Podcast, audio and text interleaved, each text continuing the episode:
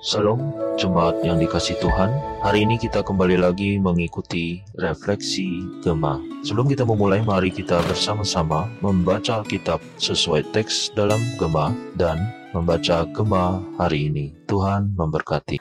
Shalom Bapak Ibu Saudara yang terkasih di dalam Tuhan. Saya berdoa kiranya Bapak Ibu Saudara sekalian senantiasa berada dalam penjagaan dan pemeliharaan Tuhan, baik secara jasmani maupun rohani.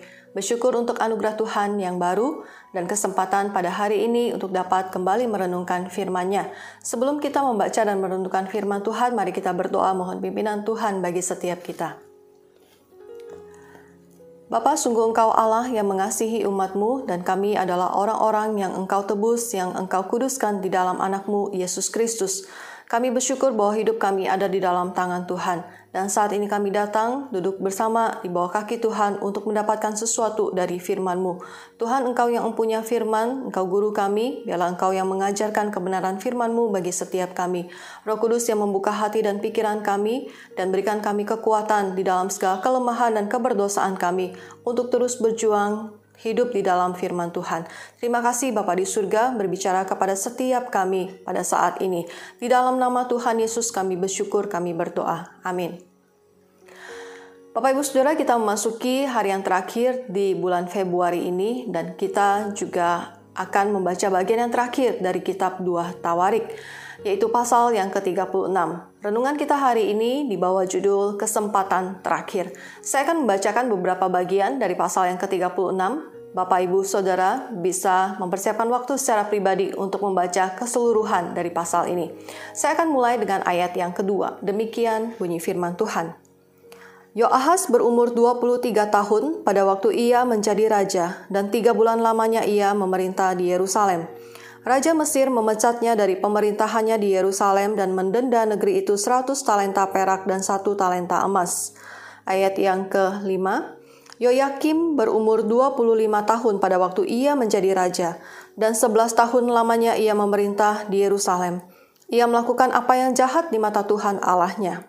Ayat yang kesembilan, Yoyakin berumur 18 tahun pada waktu ia menjadi raja, dan tiga bulan sepuluh hari lamanya ia memerintah di Yerusalem. Ia melakukan apa yang jahat di mata Tuhan.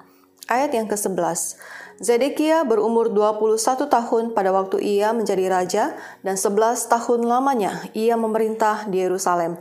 Ia melakukan apa yang jahat di mata Tuhan Allahnya, dan tidak merendahkan diri di hadapan Nabi Yeremia yang datang membawa pesan Tuhan ayat yang ke-14 hingga ayat yang ke-16. Juga semua pemimpin di antara para imam dan rakyat berkali-kali berubah setia dengan mengikuti segala kekejian bangsa-bangsa lain. Rumah yang dikuduskan Tuhan di Yerusalem itu dinajiskan mereka. Namun Tuhan Allah nenek moyang mereka berulang-ulang mengirim pesan melalui utusan-utusannya karena ia sayang kepada umatnya dan tempat kediamannya. Tetapi mereka yang mengolok-ngolok utusan-utusan Allah itu, menghina segala firman-Nya dan mengejek nabi-nabinya. Oleh sebab itu, murka Tuhan bangkit terhadap umatnya sehingga tidak mungkin lagi pemulihan. Amin. Bapak Ibu Saudara, di pasal yang ke-36 ini kita diberikan catatan yang sangat singkat tentang empat pemerintahan dari Raja-Raja Yehuda yang terakhir, yaitu Raja Yoahaz, Raja Yoyakim atau Eliakim, Raja Yoyakin, dan Raja Zedekia. Tiga kali kita membaca dari catatan ini bahwa raja-raja ini melakukan apa yang jahat di mata Tuhan. Sebenarnya ada empat kali, karena Raja Yoahaz juga melakukan apa yang jahat di mata Tuhan dari catatan di kitab dua Raja-Raja. Bapak Ibu Saudara, kita mendapati bahwa sejarah bangsa Yehuda diakhiri dengan karakter jahat dari para pemimpin bangsanya. Dan ini mencerminkan suatu keadaan kemerosotan rohani yang terjadi di antara raja-raja Yehuda yang juga mengakibatkan rakyatnya untuk ikut sesat di dalam dosa.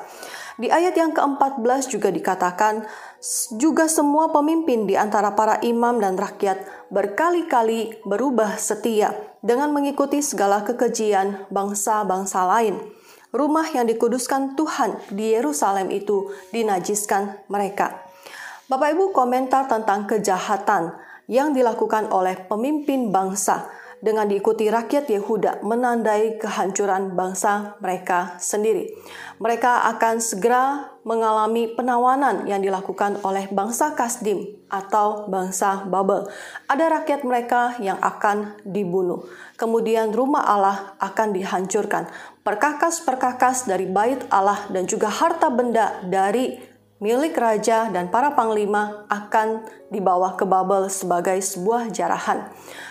Ada rakyat yang tinggal, mereka akan menjadi budak, dan tembok kota Yerusalem akan dihancurkan. Semua kebanggaan Yehuda akan dihancurkan oleh Allah.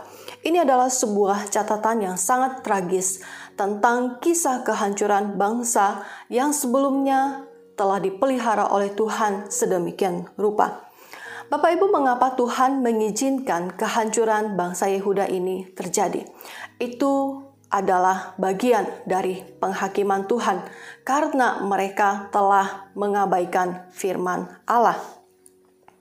Di ayat yang ke-15 dikatakan bahwa di tengah-tengah kondisi umatnya yang berkali-kali berubah setia, Allah juga berulang-ulang kali mengutus atau mengirim pesan melalui hamba-hambanya, melalui utusan-utusannya, karena Allah sayang kepada umatnya dan sayang kepada tempat kediamannya.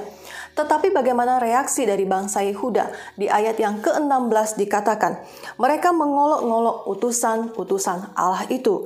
Mereka menghina segala firman-Nya dan mengejek nabi-nabinya. Oleh sebab itu, murka Tuhan bangkit terhadap umatnya dan penghukuman Tuhan akan segera dilaksanakan. Tidak mungkin lagi ada pemulihan. Bapak Ibu Saudara, pada dasarnya Allah tidak menghendaki manusia binasa di dalam dosa. Allah tidak mau kita mati di dalam kejahatan kita. Allah adalah penuh kasih, panjang sabar, dan berlimpah kasih setia kepada mereka yang mau bertobat. Dan Allah menghendaki agar semua manusia diselamatkan. Oleh karena itu, Ia telah menunjukkan kasihnya dengan cara memberikan kesempatan bagi kita untuk bertobat dan cara yang paling utama ia lakukan adalah ketika ia mengutus anaknya, Yesus Kristus, untuk menjadi pendamaian bagi dosa-dosa kita. Allah tidak pernah menghukum manusia tanpa terlebih dahulu menyatakan firman-Nya kepada mereka. Dan Allah tidak pernah menghukum manusia tanpa terlebih dahulu mengutus hamba-hambanya untuk memberikan peringatan dan memanggil manusia yang berdosa untuk bertobat. Bapak Ibu Saudara, bagaimana reaksi kita kepada firman Tuhan yang disampaikan? Bagaimana reaksi kita, respon kita terhadap karya Kristus di atas kayu salib yang mengampuni dosa kita dan menyediakan jalan keselamatan? Apakah kita meresponinya dengan bertobat di hadapan Tuhan? Di dalam Ibrani pasal 10 ayat 26 sampai 29 dan ayat yang ke-31 memberikan sebuah peringatan kepada kita untuk tidak menyia-nyiakan anugerah pertobatan yang Tuhan berikan kepada kita. Sebab jika kita sengaja berbuat dosa sesudah memperoleh pengetahuan tentang kebenaran, maka tidak ada lagi korban untuk menghapus dosa itu. Tetapi yang ada ialah kematian yang mengerikan akan penghakiman dan api yang dahsyat yang akan menghanguskan semua orang durhaka. Jika ada orang yang menolak hukum Musa, ia dihukum mati tanpa belas kasihan atas keterangan dua atau tiga orang saksi. Betapa lebih beratnya hukuman yang harus dijatuhkan atas dia yang menginjak-injak anak Allah, yang menganggap najis darah perjanjian yang menguduskannya dan yang menghina roh kasih karunia. Ngeri benar kalau jatuh ke dalam tangan Allah yang hidup. Bapak Ibu Saudara, apa yang lebih menakutkan ketika Tuhan menghukum kita di dalam kejahatan kita? Apa yang lebih menakutkan daripada ketika Tuhan membiarkan kita binasa di dalam dosa kita? Dan apa yang lebih menyedihkan ketika kita menyia-nyiakan kesempatan yang Tuhan berikan kepada kita padahal ia telah berulang-ulang kali memberikan peringatan melalui firman-Nya, melalui hamba-hambanya yang mengingatkan kita. Bapak Ibu, Apakah ada dosa yang harus kita akui kepada Tuhan? Apakah ada dosa yang perlu kita tinggalkan? Mari kita tidak menunda-nunda kesempatan untuk kita datang dan bertobat kepada Tuhan. Kita tidak tahu kapan kesempatan kita terakhir, tetapi selama masih ada hari ini, mari kita datang kepada Tuhan bertobat karena hari ini adalah hari perkenanan Tuhan. Biarlah kita tidak dibinasakan di dalam dosa dan kejahatan kita, tetapi biarlah kita mendapatkan kasih karunia Tuhan untuk memulihkan kita dan juga menolong hidup kita supaya semakin memperkenankan hati Tuhan. Kiranya Tuhan menolong setiap kita. Mari kita berdoa. Bapak kami sungguh bersyukur untuk firman kasih karuniamu. Tuhan tolong kami untuk tidak mengabaikan kesempatan yang Tuhan berikan kepada kami melalui panggilan dari firman Tuhan dan juga pengajaran dari hamba-hambamu. Tuhan tolong kami untuk senantiasa menghormati firman-Mu dan tidak menghina akan kasih karunia Tuhan bagi kami. Berikan kepada kami hati yang rela untuk taat dan dengar-dengaran. Jauhkan daripada kami hati yang keras dan memberontak kepada Tuhan. Dan biarlah pelajaran sejarah dari bangsa Israel terus mengingatkan kami bahwa Engkau Allah yang penuh kasih, Engkau Allah yang terus memberikan kesempatan bagi kami untuk bertobat. Dan biarlah kami tidak dibinasakan di dalam dosa dan kejahatan kami. Kami bersyukur untuk karya Kristus di atas kayu salib yang memulihkan hidup kami, yang memberikan pengampunan dosa dan jalan keselamatan.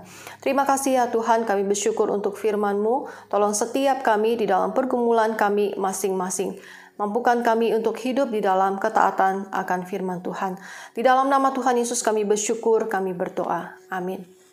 Tuhan Yesus memberkati kita semua.